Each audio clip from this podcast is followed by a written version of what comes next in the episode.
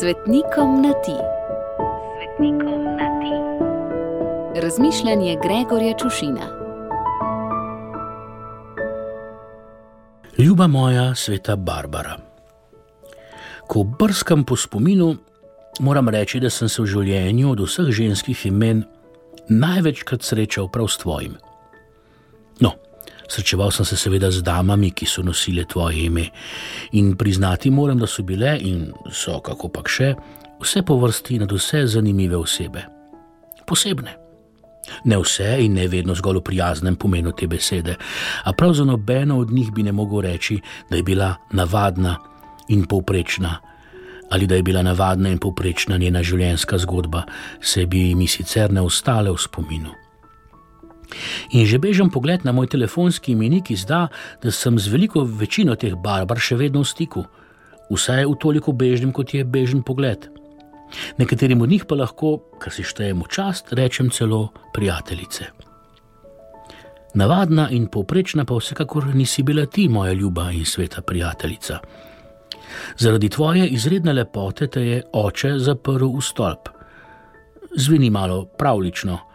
In prav res ob tem podatku človek ne hoče pomisli na pravljico o motovilki ali zlatolaski, odvisno katero knjigo človek vzame v roke. Vse tudi pravljice niso nedotakljive in so podvržene popravkom, različnim pogledom in interpretacijam. Tudi motovilka, ki je ime seveda dobila po motovilcu, ima dolge zlate lase, s pomočjo katerih se da splezati v njen stolp brez vrat.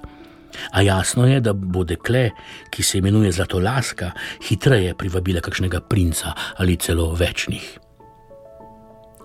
Ne le zaradi takih princev, še veliko bolj zaradi nebeškega princa, ki je trkal na tvoje srce, te je oče zaprl v stolp, ki je sicer imel vrata, a premogel le dvoje okn.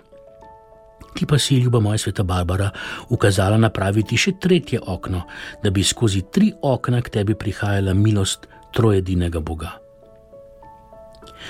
Oče je ravnal še huje kot čarovnica v pravljici o zlatolasi motovilki, ker si zavrnila poroko s poganskim princem in ker se nisi hotela odreči nebeškemu, te je oče dal zapreti, mučiti, na koncu pa ti je sam lastnoročno odsekal glavo in kot je zapisano, ga je takoj zatem ubila strela z neba. Kot v pravljici, bi lahko rekli. A življenje je včasih bolj pravlično kot izmišljene zgodbe, in ko rečem pravlično, seveda mislim kruto. Ob omembi tvojega imena, ljuba moja sveta Barbara, v naši deželi zatrepeče srce vsakemu, ki ga ima, kajti po tebi je imenovan tudi zdaj že znamenit, predvsem pa žalostni barbarin rov. Nič kriva si kot zavetnica rodarjev postala vratarica ene najbolj pretresljivih zgodb v naši zgodovini, za katero bi si najrajši želeli, da bi bila pravljica, pa je žal vse res. Za desetimi gorami in desetimi vodami dosti krat slišimo v pravljicah. Nekdo pa si je mislil za desetimi zidovi. Pravzaprav je za vsak primer postavil še enajsti zid, da bi ostalo na vekomaj skrito. Zgodovina ni pravljica, pa čeprav nekateri diplomirani in doktorirani zgodovinari pripovedujejo pravljice. Nam pa pravljice dosti krat izpričujejo zgodovinsko dejstvo, da pravica zmaga.